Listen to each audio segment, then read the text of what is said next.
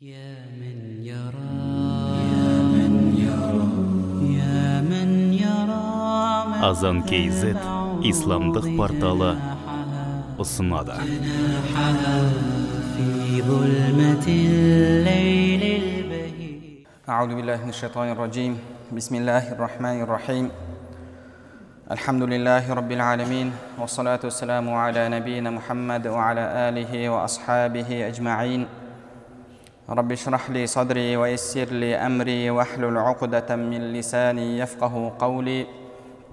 اللهم علمنا ما ينفعنا وانفعنا بما علمتنا. وزدنا علما وعملا وتقا وإخلاصا يا رب العالمين. أما بعد السلام عليكم ورحمة الله وبركاته.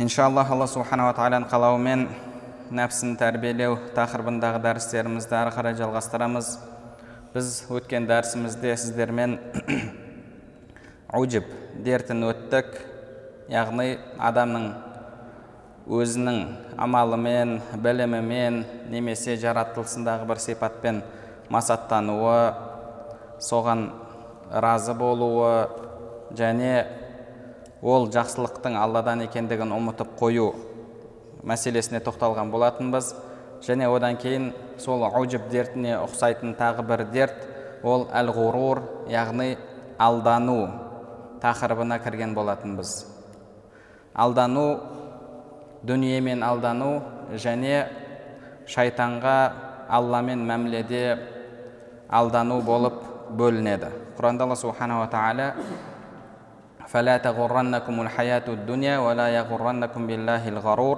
сендерді бұл дүние алдамасын және алламен мәмілелеріңде алдаушы алдамасын деді. Алдаушы болғанда да бұл жерде өте айлакерлікпен қатты алдаушы бұл жердегі әл ғарур алдаушы деген яғни шайтан. Адам дүниеге қатысты алдануға түседі.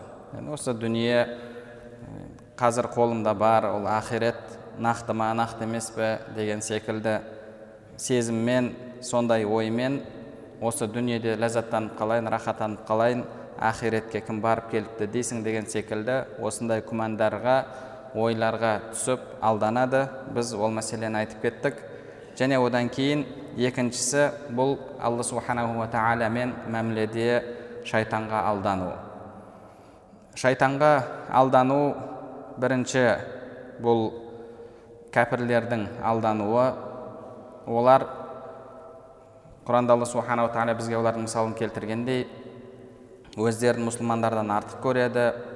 Және бұл дүниеде олардың дәрежесі дүниелік тұрғыдан материалдық тұрғыдан жақсы болғанда ертең ақиретте де бізде сондай жақсылық болады. Алла субханала тағала ертең ақиретте де бізге өзінің жақсылығын береді бізден аямайды деген сенімде болады. Бұл да болса олардың әлгі дұрыс емес қияс жасаулары бұл дүниені ақиретке қияс жасауы. Яғни бұл дүниеде біз қандай болсақ ақиретте жағдайымыз сондай болады. Бұл дүниеде мал мүлік дүниеге ие болдық па ондай болатын болса ертең ақиретте де жағдайымыз осындай болады деген олардың дұрыс емес қате салыстырулары. Бұны шариғат тілімен айтқанда қияс делінеді. Қияс деп аталады. Олардың қиясы бұзық дұрыс емес қияс. Бұл дүниедегі жағдайларын ақиретке қияс қылады. Бұл әлгі шайтанның қиясына ұқсайды. Шайтан оны топырақтан жараттың мені оттан жараттың. Топырақ топырақтан от абзал деп болмайтын қияс жасап неге ондай болатын болса мен өзімнен төмен болған нәрсеге сәжде жасауым керек. Деген алдануға түскен еді. Сөйтіп тәкаппарлыққа салынды. Яғни бұл дүниені ақиретке қияс қылу және одан кейін бұл дүниедегі алланың берген материалдық жақсылықтарын алланың махаббатының белгісі алла тағала сүйген құлына дүние береді сүйген құлын бұл дүниеде бай етеді деп ойлаудың өзі негізінде қате. Себебі алла субханаху тағала байлықты да кедейлікті де сынақ үшін береді біз өткен дәрісімізде пайғамбарымыз саллаллаху алейхи уассаламның хадисін оқыған болатынбыз имам термизи имам хакимдер келтірген хадис فإن الله يحمي عبده من الدنيا وهو يحبه كما يحمي أحدكم مريضه من الطعام والشراب وهو يحبه алла субханаху ва тағала өзін өзінің бір құлын сүйе тұра дүниеден тосады оны дүниеден махрұм етеді сендердің бірің өзінің туыс ауру науқас туысқанын оған зиян келтіретін ләззат ләззаттардан тәтті нәрселерден тәтті тағамдардан тосқандай деді алла субханала тағаланың кейде яғни кейде оны алланың махаббаты деп те білуге болады. Себебі кейбір риуаяттарда келгендей менің кейбір құлдарымды дүние бұзады кейбір құлдарымды кедейлік бұзады деп келеді. Алла субханала тағаланың біз білмейтін сырлары біз білмейтін даналықтары бір хикметі бар бұл мәселеде. Кейде адамға кедей болып жүргені хайырлы болуы мүмкін. Бір адамға бай болып жүргені хайырлы болуы мүмкін. Бұның артында біз білмейтін сыры бар. Әлбетте алла субханала тағала хаким дана алланың әрбірісінде даналық хикмет бар ал жалпы алғанда бұл бір дүние алланың махаббатын білдіретін кедейлік алланың жақсы көрмейтіндігін ол адамды жек көретіндігін білдіретін сөз емес құранда алла субханала тағала فأما الإنسان إذا ما ابتلاه ربه فأكرمه ونعمه فيقول ربي أكرمن адам алла оның рызқын кеңейтсе оған жақсылықтарын берсе алла мені жақсы көреді екен мені құрметтеп жатыр дейді. Егер рызқын азайтса оның дүниесін кемейтсе ол алла мені қорлап жатыр деп ойлайды. Кәллә алла субханала тағала айтады жоқ мүлдем олай емес дейді. Мүлдем олай емес. Яғни дүние беруім менің махаббатымның белгісі емес кедей етуім бұл мен қолымды жек көремін деген сөз емес деп алла субханала тағала бізге айтып жатыр кәфірлер дүниесі бар адам жақсы дүниесі жоқ адам нашар адам деп ойлады сол үшін де тозаққа кірген кезде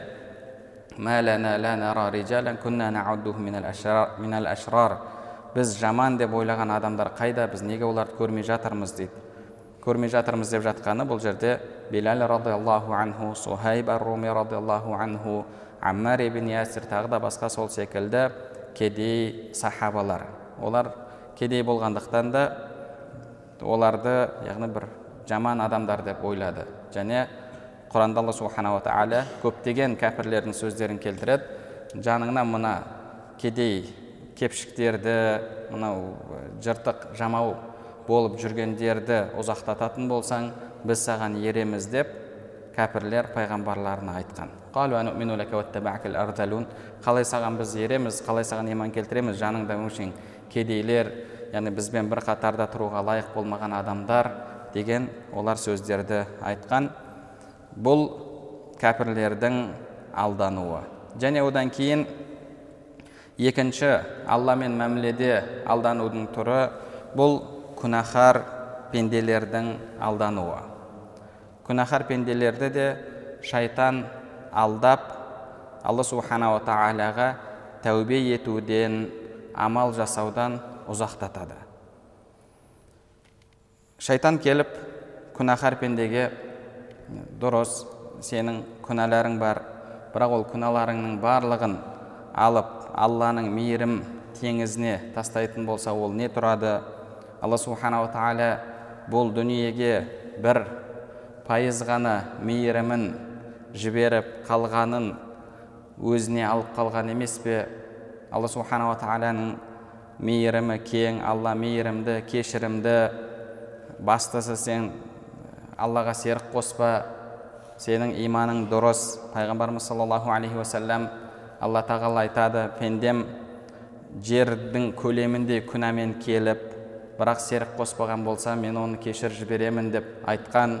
Сол үшін түңіле берме алла тағала иншалла кешіреді күнәңді деп осылайша күнәһар пендені алдайды.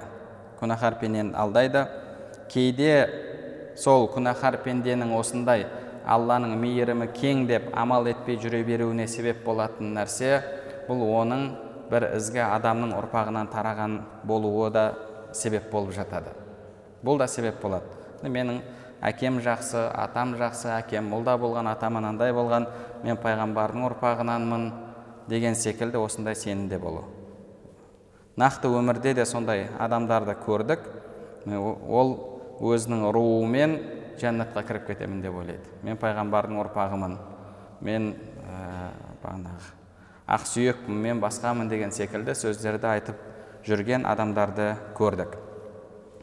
Имам абу хамид ал ғазали осы жерде қиясу шайтан алауия дейді. Алауия сол али радиаллаху анхудың ұрпағынан болған бірақ адасып кеткен адамдар соларға шайтанның келіп жасап берген қиясы дейді. Тағы да қияс жасап жатыр. Яғни бұл дүниеде сіз біреуді жақсы көрсеңіз оның балаларын да жақсы көресіз. Досыңыз досыңыздың балалары бар досыңызды жақсы көрсеңіз оның балаларын да жақсы көресіз. Енді алла тағала али радиаллаху анхуды жақсы көреді фатима радиаллаху анханы жақсы көреді. Ондай болатын болса олардың ұрпақтарын да жақсы көреді сендерді де жақсы көреді. Енді сендердің аталарың андай болса бабаларың мынандай болса алла сендерді азаптай қоймайды деп осындай шубха салып шайтан адамдарды алдайды. Осы адамдар егер құранға үңіліп қарайтын болса пайғамбарымыз саллаллаху алейхи уассаламның тарихына үңіліп қарайтын болса нух алейхиссалам баласын өзімен бірге кемеге мінгізе алмаған еді. Баласын мінгізе алмады. Баласы өзінің былайша айтқанда бауыр еті я маана бізбен бірге мін деді. Ол жоқ мен бір тауға шығып аламын өзім құтыламын деді. Бұл жерде бұл жай ғана бір бір судың тасуы емес алладан келген азап екенін түсінген жоқ. Алла субханала тағала иннаху лейса мин әхлик ол сенің ұрпағың емес деді. Ибраһим алейхисаламның әкесі кәпір болды. Нух алейхисаламның әйелі лут алейхисаламның әйелдері кәпір болды. Олардың алланың абзал болған құлдарының қол астында болуы оларға ешқандай пайдасын тигізген жоқ. Әйелі болды жанында болды бірақ оларға ешқандай пайдасын тигізген жоқ. Егер соны ойланатын болса бұл адамдар бұл ойдың қате екендігін түсінер еді. Алла субханала тағала әкесін әкесі аллаға құлшылығын жасап тақуа құл болса әкесін жақсы көргендігі үшін ұлын жақсы көрмейді. Және ұлы құлшылығын жасап тақуа болып жүрсе ұлдың тақуалығы үшін күнәһар немесе кәпір болған әкені жақсы көрмейді егер әкенің құлшылығы балаға өтеді баланың құлшылығы әкеге өтеді соның себебімен алла әкесін жақсы көреді немесе баласын жақсы көреді дейтін болсақ онда біз айтар едік алла субханала тағала сен қанша құлшылық жасасаң да әкең пасық болса әкең кәпір болатын болса алла тағала сені де жек көреді деп. Неге енді махаббат өту керек та жек көру өтпеу керек. Егер махаббат өтетін болса онда жек көру де өтеді. Сен қанша құлшылығыңды жаса әрекетіңді жаса әкең кәпір ма? Онда алла субханала тағала сені жек көреді. Немесе сенің балаң кәпір болса басқа діннен болатын болса немесе пасық болса сен қанша құлшылық жасасаң да алла субханала тағала сені жек көру керек. Себебі сенің балаң сондай. Яғни бұл жердегі қияс бұл қате қияс болып табылады. Бұл шайтанның азғыруы шайтан алламен мәміледе адамдарды осылай алдайды. Алла субханала тағаланың мейірімі кең алла субханала тағала кешіреді деген сөзді айтады. Имам абу хамид ал ғазали рахмаулла осы жерде осындай пікірде жүрген адам неге онда әкесі тамақ жесе әкем жеді ғой сол маған өтеді ғой әкесі су ішсе болды соның су ішкені маған жетеді деп жүрмейді дейді. Шынында да солай. Егер құлшылығы мынаған өтіп кететін болса оның жаса тақуалығы баласына өтіп кететін болса баласы күнәһар болса да онда оның жеген тамағы да ұйықтауы да барлығы баласына өту керек еді бұған тамақ жеудің қажеті болмас еді. Әкесі бір жаққа барып келсе болды әкем барып келді менің барып келгенім болып есептеледі деп жүру керек еді. Бірақ дүние мәселесінде олай жасалмайды. Ал ақирет мәселесіне келген кезде шайтан осындай дұрыс болмаған қисық қияста алып келіп адамды адастырады. Енді адам алладан үмітін үзбеу керек. Алла субханала тағала шынында да күнәларды кешіреді.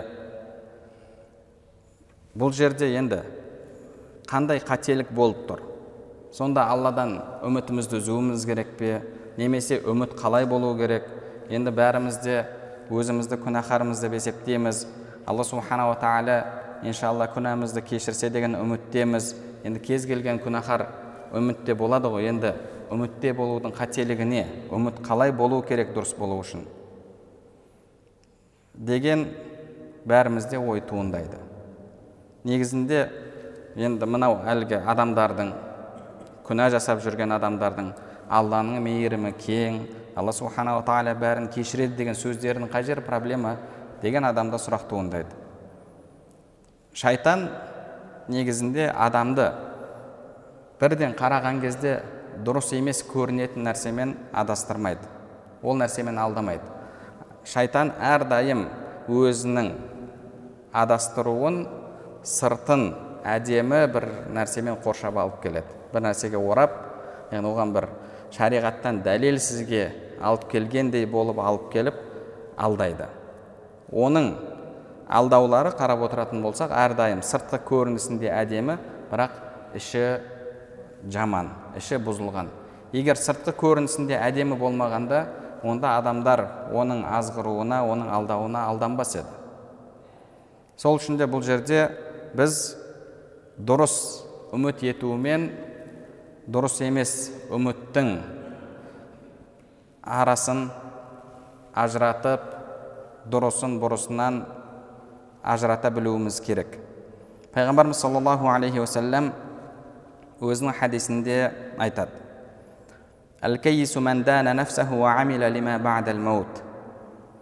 Шынайы ақыл иесі өзіне есеп беріп және өлімнен кейінге өлімнен кейінгіге ақиретке амал еткен адам дейді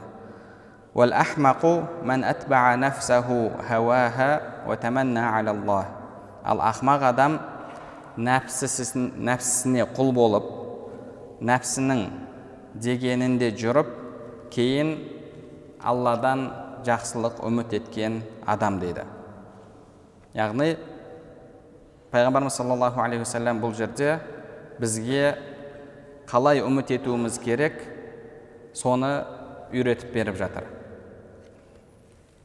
Дұрыс үміт ету бұл амалыңды жасайсың ақиретке әрекетіңді жасайсың сонымен бірге өзіңді күнәһар көресің және иншалла алла субханала тағала күнәмді кешірер деген үмітте боласың. Осы дұрыс үміт. Ал шайтан келіп үміт деп шайтан келіп сізге үміт деп жүрегіңізге салып жатқан нәрсе егер сіз күнәні тастамасаңыз онда оны пайғамбарымыз саллаллаху алейхи уассалам тәмәнни дейді. Тәмәнни яғни бос қиял бос арман. Бұл үміт емес бұл бос қиялдау армандау. Құранда алла субханала тағала сондай аятта айтады.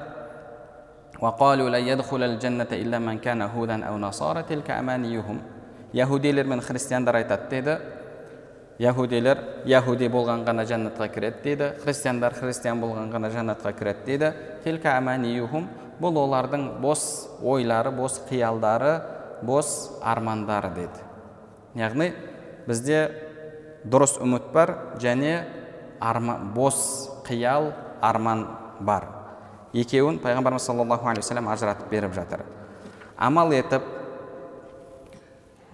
күнәларды тастап ақиретің үшін уайымдап одан кейін алланың кешірімін үміт етсең бұл дұрыс үміт ету болады. Ал амал етпестен күнәңді жасап жүріп алла субханала тағала кешіреді. Алла мейірімді алланың мейірімінен үміт үзбеу керек күдер үзбеу керек деген секілді ойда жүру бұл бос қиялға еру болып табылады. Алла субханала тағала құран кәрімде إن الذين آمنوا والذين هاجروا وجاهدوا في سبيل الله أولئك يرجون رحمة, رحمة الله бақара сүресінде шын мәнінде иман келтіріп және алла жолында хижрат жасаған әлгі бұл жерде сахабалар айтылып жатыр және уажахаду фи сабилиллах алла жолында күрескендер улаика ярджуна рахматаллах міне осылар алланың мейірімін үміт етіп жатқандар дейді яғни ол үйінде жатып алма піс аузыма түс деп жатқан адам емес. Ол иман келтірді. Ол алла жолында меккедегі дүние мал мүлкін тастап мединеге хижратын жасады. Алла жолында жанын малын қиып жүр сөйтіп алладан үміт етіп жатыр. Міне осы шынайы алладан үміт еткендер осылар дейді. Мысал бір адам бір байдың қолына жұмысқа тұрады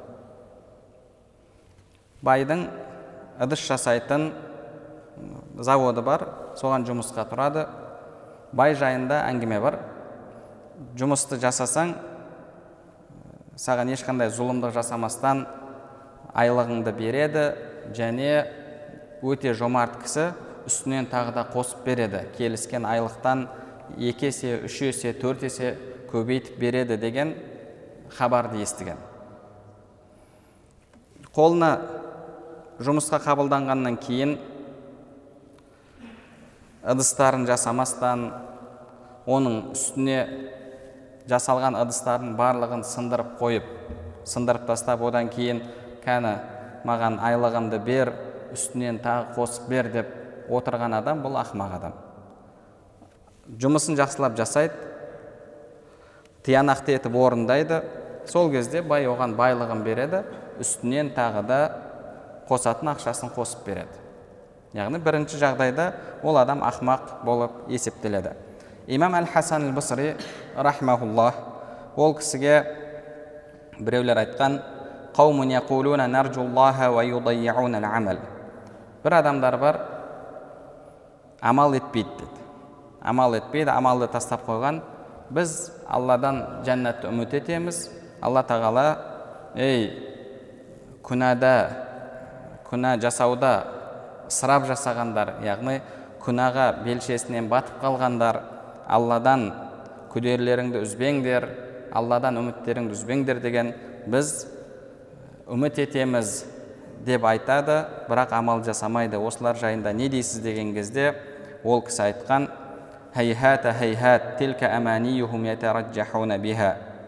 бұл олардың бос қиялдары ғана кім бір нәрсені үміт етсе оны талап етіп іздейді кім бір нәрседен қорықса бір нәрседен қорықса одан қашады деген яғни адам шынымен үміт ететін болса оны талап етеді үміт еткен нәрсесін шынында тозақтан қорқатын болса қорыққан нәрсесінен адам қашады. Қорыққан нәрсенің ішінде жүріп мен ол нәрседен қорқамын деп бір нәрсені талап етпестен мен соны үміт етіп жатырмын деп айту бұл әлбетте бос әңгіме бос сөз болып табылады.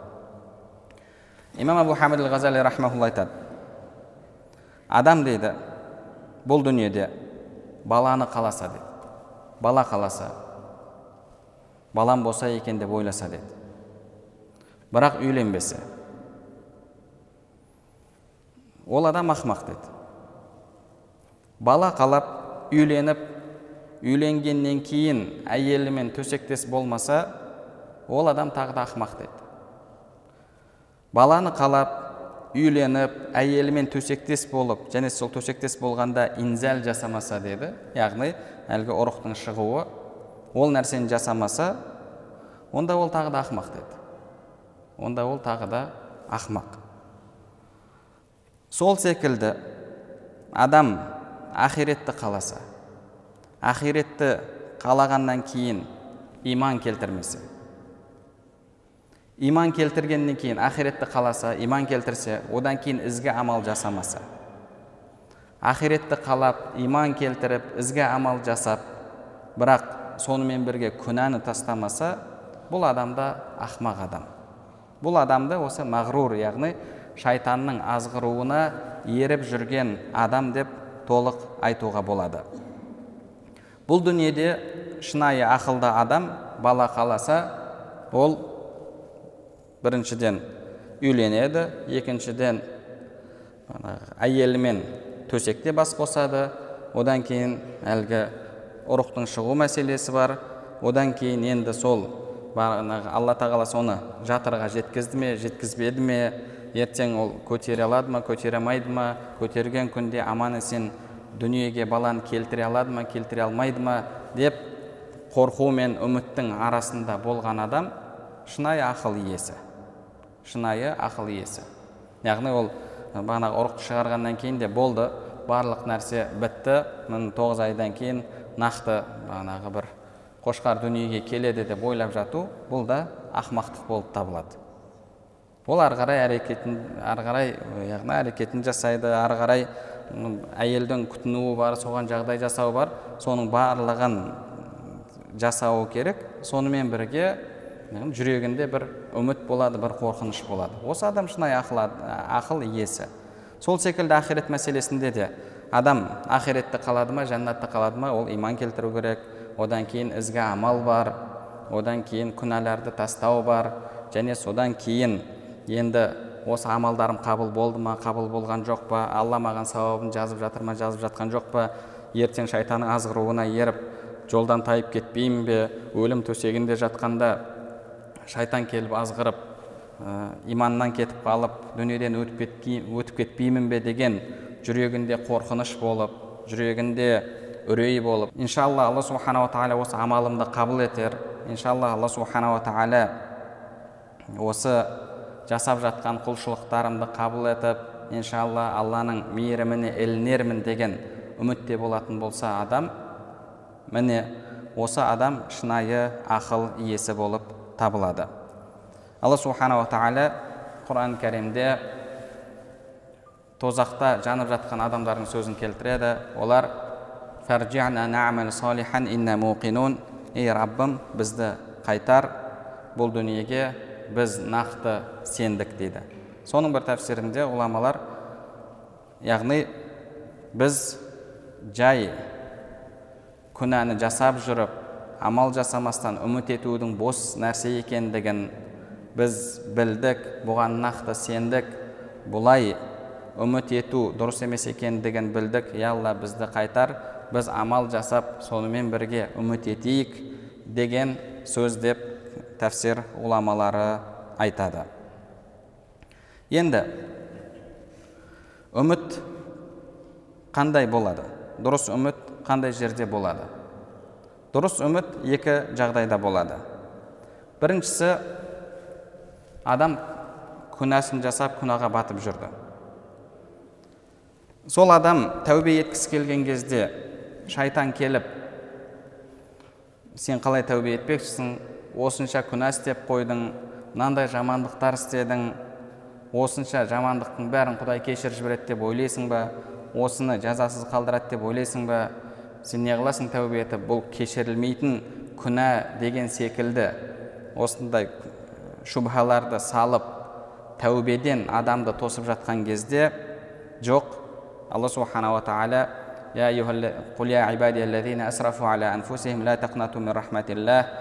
күнә жасауда шеккен, шектен шыққан құлдарым алланың мейірімінен күдер үзбеңдер үміттерің үзілмесін деп айтқан алла субханала тағала тәубе етсем менің күнәмді кешіреді тәубе етсем алла тағаланың кешірмейтін күнәсі жоқ құранда алла субханала тағала алла тағала дүниеден өзіне серік қосып өтіп кеткенді кешірмейді одан басқасын қалаған құлына кешіреді деген және құранда алла субханала тағала алла барлық күнәларды кешіреді тәубе етсе алла мейірімді кешірімді деген пайғамбарымыз саллаллаху алейхи уассалам кім жердің көлемінде күнәмен келсе мен оны кешіремін деген алланың мейірімі кең тәубе етсем кешірілмейтін күнә жоқ деп сол жерде ол адамда үміт ояну керек.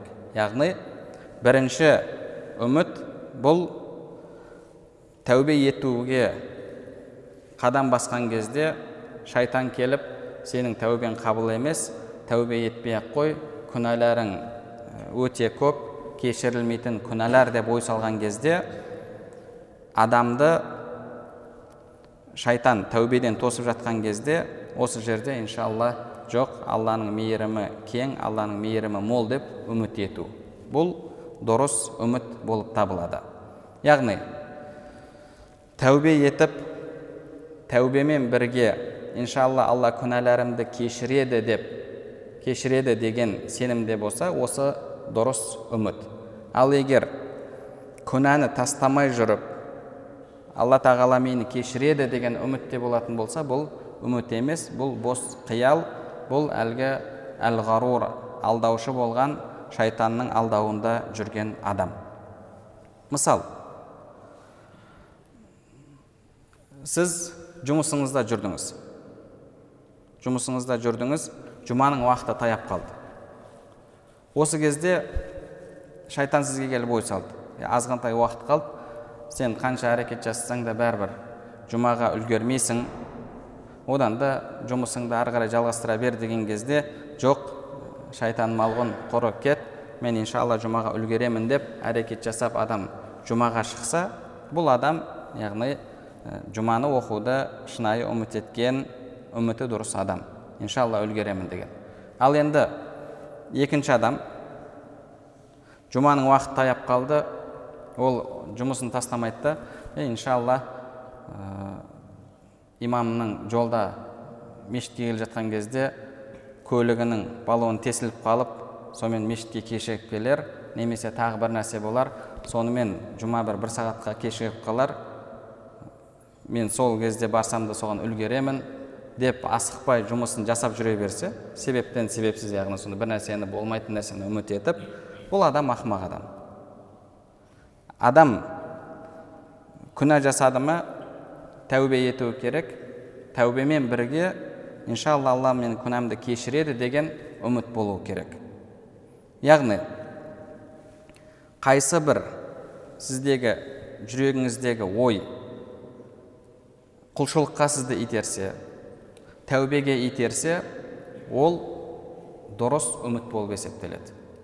Ал қайсы бір ой сізді тәубеден тосса құлшылық жасаудан тосса онда ол үміт емес ол бос қиял бұл шайтанның алдауы болып табылады. Екінші жағдай үміттің дұрыс болатын бұл адам кейде шайтанның алдауына еріп шайтанның алдауына азғыруына түсіп парыздармен шектеледі. Парыздармен шектеледі осы парыздарды жасай берсем жеткілікті ғой деп сүннатқа мысалы нәпіл құлшылықтарға көңілі болмайды. Осындай кезде құлшылықты артығымен жасаған адамдарға мынандай сауап бар мынандай артықшылықтар бар.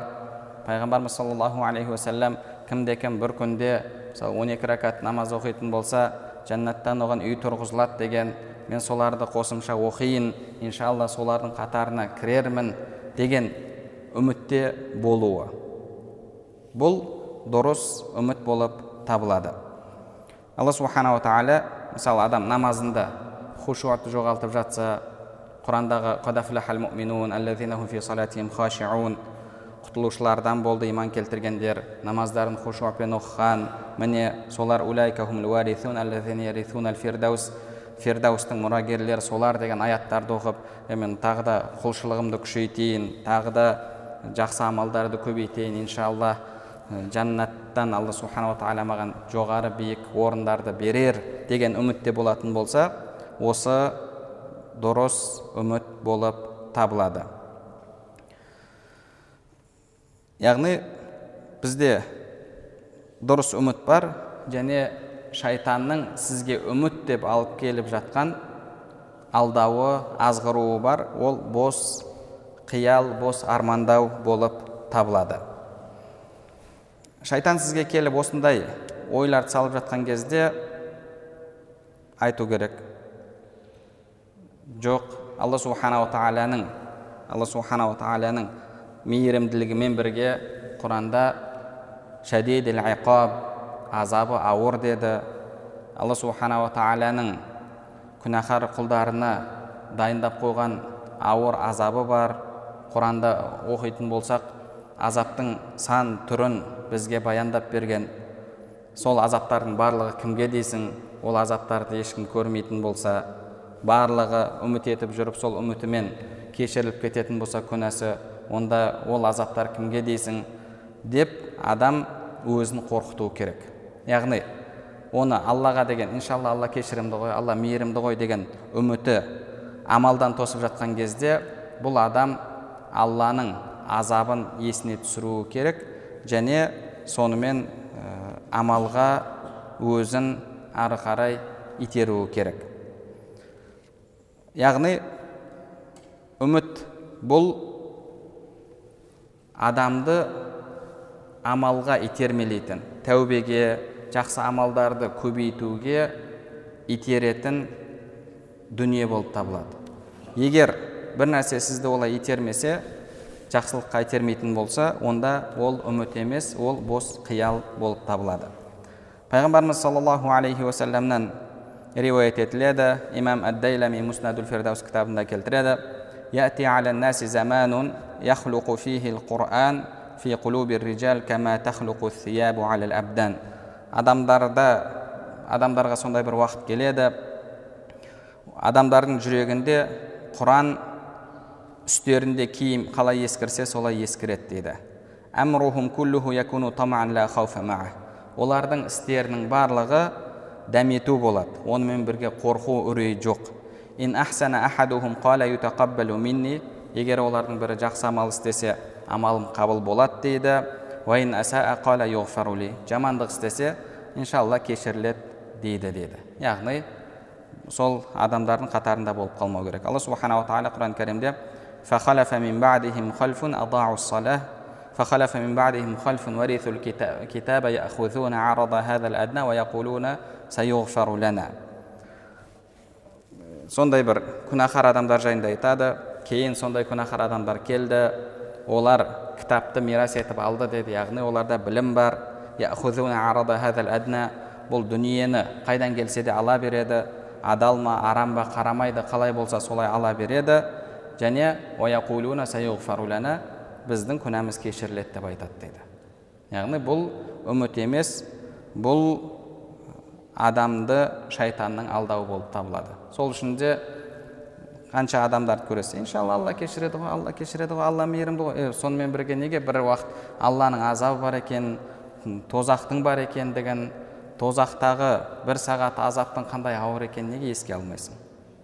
Тура бір тозақ жоқ сияқты тек қана жәннат бар сияқты. Алла барлығын сондай үміт еткендігі үшін кешіріп жіберіп бәрін жәннатқа кіргізіп жіберетін сияқты. Кейде адамдар сенімде болады әлбетте бұл қате болып табылады. Және сонымен бірге осындай ғұрурға түсетін адамдардан яғни шайтанның алдануына түсетін алламен мәмілесінде кейбір адамдар бұл амал жасап жүр бірақ сонымен бірге күнә жасап жүрген адам. Оның амалынан амалынан күнәсі көбірек бірақ ол сол амалым бар иншалла алла субханала тағала мені кешіреді деген үмітте сондай сенімде жүретін адам. Яғни ол мысалы мына жақтан жүз мың харам жолмен табады мына жақтан жүз теңге садақа береді. Мені мына жүз теңге мына жүз мың харам ақшаны басып жібереді кешіріп жібереді деген секілді секілді ойда болады. Мына жақтан күніне жүз рет тәсбих айтса мына жақтан мың рет адамдарды ғайбаттайды. Сөйтеді да ой менің иншалла амалдарым бар мынаны басып жібереді деген ойда жүретін адам. Бұл адам әлгі таразыға мына жаққа он, кило мына жаққа бір килоны қойып қойып бір кило он килоны басып жібереді деген сенімде болған адам. Әлбетте бұл да шайтанның алдауына ерген адам. Ол өзінің аз ғана жасаған амалын есептеп жатыр. Бірақ мына жақта күнәсін есептемейді. Күнәсін бірақ періштелер есептеп жатыр періштелер жазып жатыр. Бұл сол бір жақсы амалын ғана көріп жатыр жаман амалын көрмейді жамалына, жамал, жаман амалын есептемейді. Мүмкін құлшылығының өзінде де кемшіліктер толып жатқан шығар. Ол кемшіліктерге көңіл бөлмейді. Тек қана күніне бірнеше рет тәсбих айтса истиғфар айтса соны санайды. Мына жақта қанша адамды ғайбаттап жатыр қанша адамның етін жеп жатыр қанша адамға зұлымдық жасап жатыр қанша харамнан ақша тауып жатыр оны есептемейді. Иншалла мынау мынаны басып жібереді деген жалған үмітте жүрген адам. Сол адамға егер кираман кәтибин әлі күнәні жазатын сауапты жазатын періштелер осы күнәңді жазуға сауапты жазуға бізге қағаз керек сол қағазды сен сатып алып беріп тұр дейтін болса ол артық сөз айтпас деді. Неге себебі? Қағаз толып қала берсе тағы да қағаз алып беру керек. Ә, ондай болатын болса шығынға ұшырайды. Енді дүниеде шығынға ұшырамайын деп ол артық сөз сөйлемес еді. Енді періштелер оныкін жазып жатыр. Яғни ол дүние үшін артық сөз айтпас еді бірақ мына жақта фирдаусты жәннатты жоғалтып жатқанымен жұмысы жоқ қанша артық сөздерді айтып жүр. Одан кейін және тағы бір ғұрурға түскен адамдар бұл ғалымдар. Білім үйренген білімді жаттап алған ақиданы фиқхты осы ихсан білімін нәпсін тәрбиелеу адамға шайтанның келу жолдарын барлығын білген жаттап алған оқып алған бірақ амал жасамай жүрген адамдар. Бұлар да шайтанның азғыруына еріп жүрген адамдар. Бұл адамның мысалы кім сияқты? Бұл адам бір адам ауырып қалды.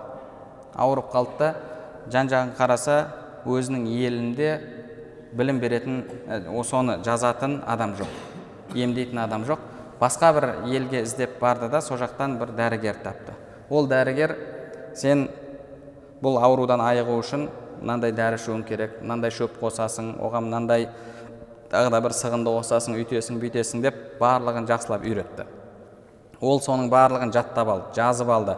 Кітапқа әдемі ә, почеркпен көшіріп жақсылап жазып алып келді еліне алып келіп сол бойынша адамдарға дәрі жасап беріп жатыр. Адамдарға жазып беріп жатыр. Адамдар соны пайдаланып ем тауып жатыр. Бірақ оның өзі сол дәріні ішіп жүрген жоқ. Бұл адамға басқаларға жазып бергені басқалардың шипа тапқаны пайда береді ме? Пайда бермейді. Неге себебі? Ол өзі сол нәрсені ішіп жатқан жоқ. Өзі әрекетін жасап жатқан жоқ. Бұл адам шам сияқты. Яғни ғұламаларымыз шам сияқты болудан алла сақтасын деген. Өзі күйеді бірақ адамдарға жарығы түседі. Өзі күйеді өзі күйіп жанып жоқ болып кетеді бірақ адамдар одан пайда алады. Әлбетте бұл жерде енді шам сияқты болу дегенді екі түрлі түсіну керек. Өзі амал етпестен өзі ертең тозақта жанып одан адамдар пайда алып жатса әлбетте бұл адам бақытсыз адам.